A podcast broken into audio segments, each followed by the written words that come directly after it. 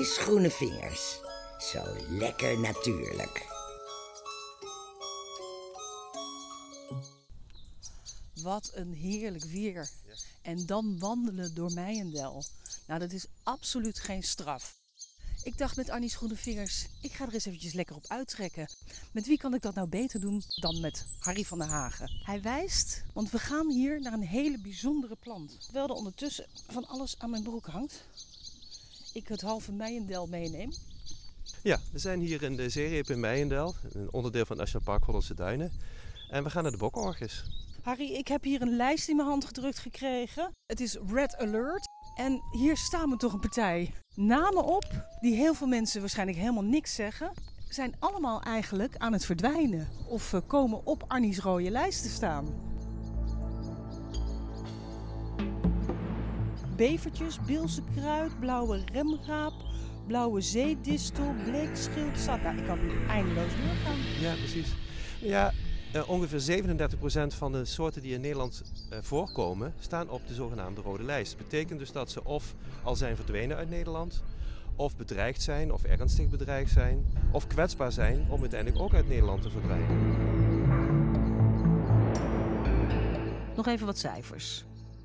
37% dat zijn meer dan 570 soorten die bedreigd zijn en op het punt staan om te verdwijnen in Nederland. En dat is veel. Heel veel. In Meijendel gaat het ongeveer om 54 soorten.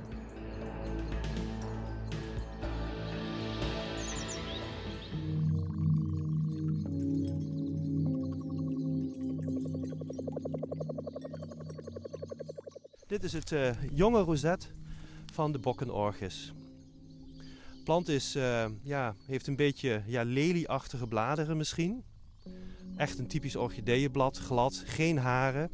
Als de bloeistelling tevoorschijn komt. Die verheersbeestje, die is ons ook achtervolgt. Ja, precies. Leuk hè? Uh, dan kan die plant ongeveer een groeistengel hebben van tussen de 20 en de 80 centimeter. Er zitten hele mooie orchideeënbloemen zitten erin. Um, en de karakteristieken van een orchideeënbloem is dat het een heel, op zich een heel klein bloemetje is, maar dat deze soort een heel erg lang, een soort riem of, of een, een, een soort ja, eh, lint daaraan vast heeft zitten dat ongeveer een centimeter of 10 lang is. Dus een hele lange onderlip zit eraan vast. Kleurtje? Een beetje groenbruinig. Klein bloemetje op zichzelf. Maar dan zit dat ene bloemetje, dat is dus één bloemetje. Maar één zo'n bloeitros kunnen wel honderd bloemen zitten. Dus je krijgt echt een enorme soort kwast aan, aan eh, bloemen aan elkaar zitten die op die, op die bloemtros zitten van ongeveer een centimeter 10, 15 groot.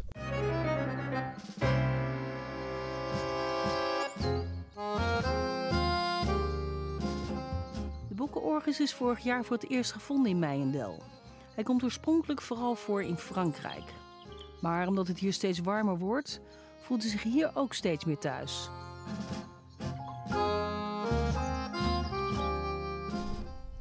Denk ik van, uh, goed, jij loopt hier zo uh, rechtop af. Meijendel is een heel groot gebied. Hoe dan? Ja, ik ben niet de enige gelukkig die dit soort dingen ontdekt. Ik, het zijn um, vooral inderdaad onze vrijwilligers die heel veel van dit soort dingen ontdekken. We hebben ongeveer een 80 plantenvrijwilligers die door het terrein heen gaan om voor ons de inventarisatie te doen. En ook onze eigen mensen doen dat. Deze bokkenorgis is ontdekt door Jasper Wester en een van onze duinwachters.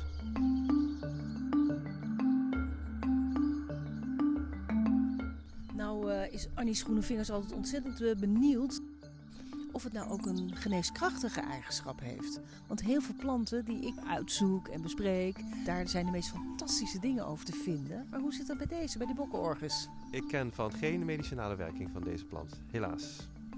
Wat een uh, teleurstelling. Ja. ja, je kan niet alles hebben. En weet je ook of er liedjes over geschreven zijn? Nee, ook dat niet. Althans, ik niet bij me weten. Misschien dat ze in Frankrijk wel daar een liedje over hebben, maar dat eh, zal ik niet weten in ieder geval. Wat is dan de Franse naam van bokkenorgis? Oh, die weet ik ook niet. En de Latijnse naam? Uh, Himantoglossum hircinum. En Himantoglossum, dat uh, Himan is riem en glossus is tong. En op zich is dat natuurlijk niet merkwaardig als je weer naar die bloem gaat met die enorm lange lip die eraan hangt van ongeveer een centimeter of 5 à 10. Ja, en hircinum, dat is dus bok. En ja, wat heel typisch is van die soorten, ja, het heet niet voor niks bokkenorgis. Hij ruikt naar bokken. Dus die geur. En hoe ruiken bokken? Omschrijf dat eens voor mij. Ja, ik vind dat het eigenlijk wel een beetje stinkt.